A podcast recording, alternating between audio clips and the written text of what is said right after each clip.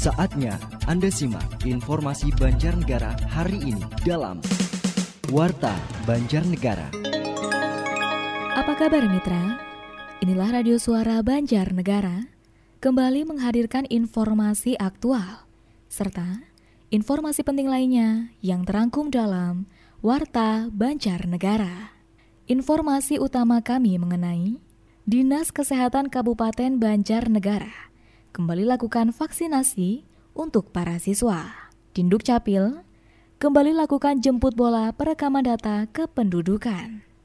Berita selengkapnya disampaikan oleh Larasati. Warta Banjarnegara.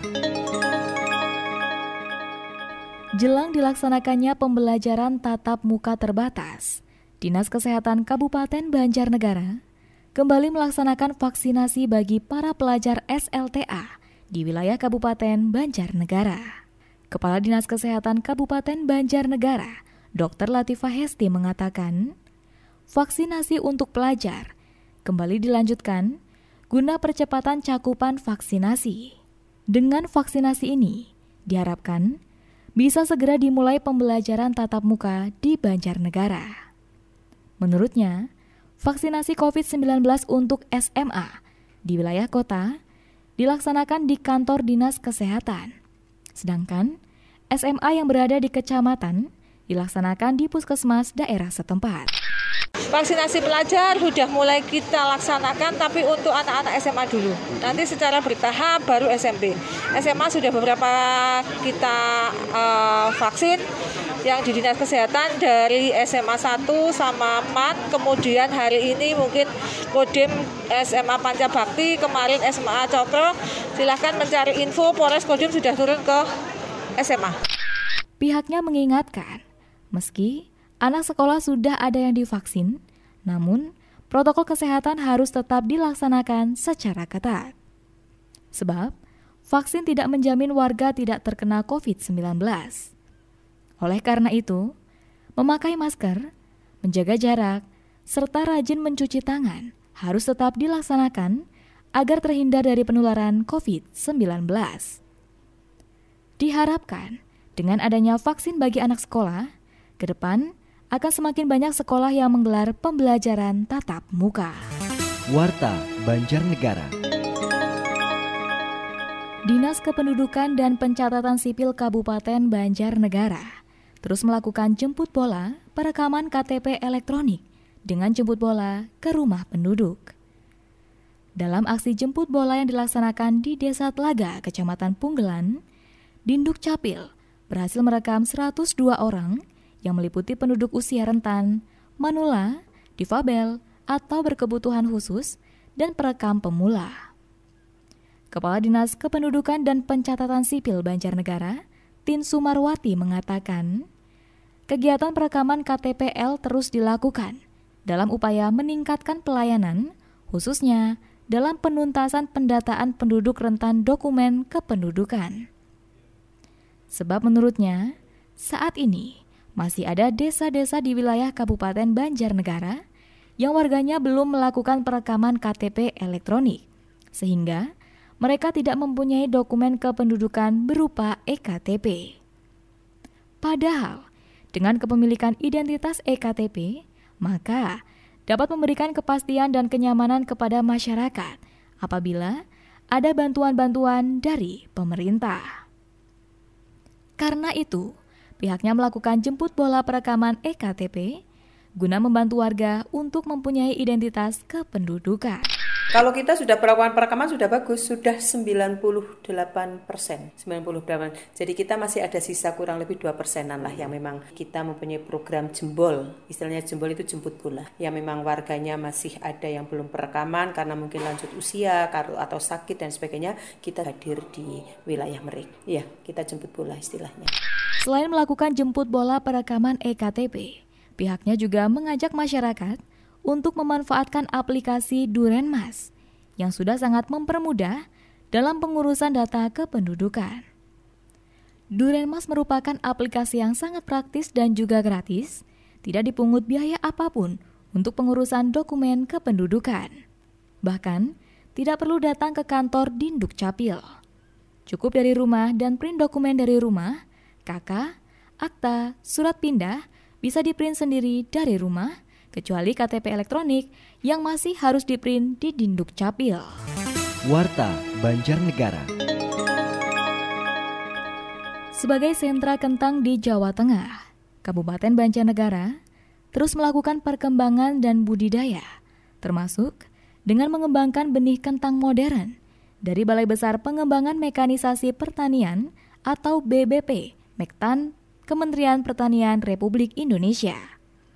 Kepala BBP Mektan, Agung Prabowo mengatakan, pihaknya sudah mengirimkan beberapa alat dan mesin pertanian untuk mendukung pertanian kentang di Kabupaten Banjarnegara.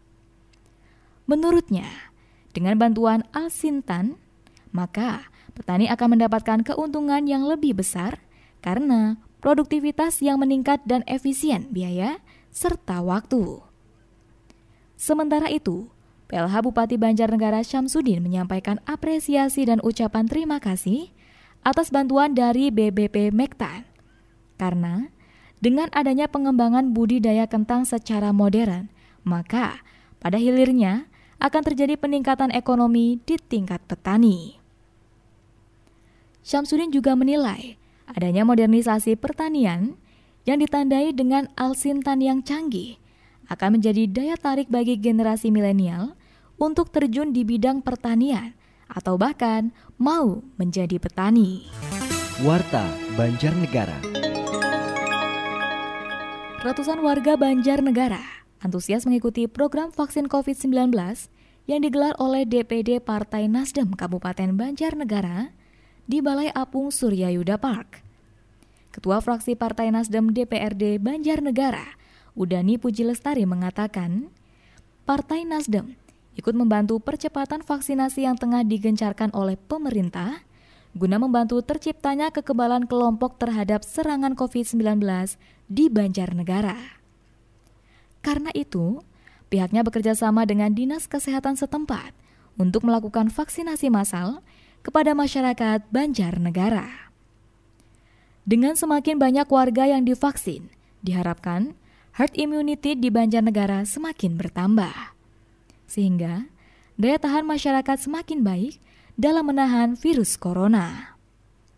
Menurutnya, vaksin COVID-19 saat ini menjadi kebutuhan bagi masyarakat.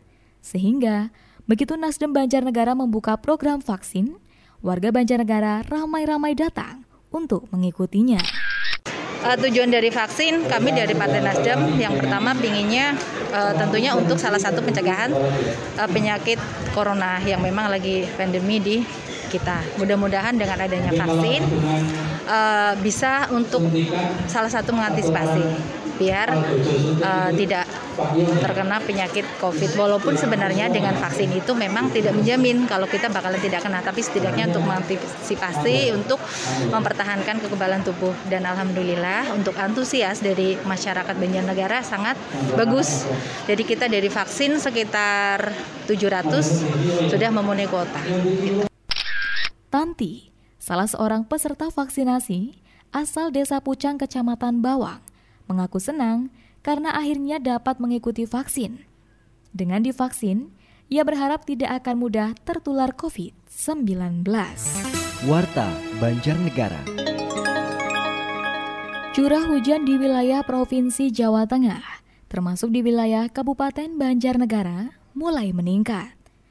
Potensi bencana alam pun harus mulai diwaspadai, terutama bagi warga yang berada di wilayah pegunungan. Kepala Badan Meteorologi, Klimatologi, dan Geofisika BMKG Banjarnegara, Setio Aji Prayudi mengingatkan warga untuk mewaspadai peningkatan curah hujan, terutama bagi mereka yang tinggal di lokasi rawan bencana tanah longsor. Ia menjelaskan, potensi bencana hidrometeorologi seperti banjir, longsor, dan angin kencang biasanya mengalami peningkatan saat musim hujan. Terlebih lagi, Sejumlah wilayah di Banjarnegara merupakan area rawan tanah longsor, sehingga harus terus mengingatkan kehati-hatian dan kewaspadaan, terutama bagi mereka yang tinggal di lereng perbukitan dan daerah aliran sungai. Meski demikian, Masyarakat tidak perlu panik, namun perlu meningkatkan kewaspadaan, terutama saat terjadi hujan lebat dengan durasi yang panjang hingga di atas 30 menit. Warta Banjarnegara. Demikian Warta Banjarnegara kali ini. Akhirnya, mewakili kerabat kerja yang bertugas, saya Larasati mengucapkan terima kasih atas kebersamaannya dan sampai jumpa.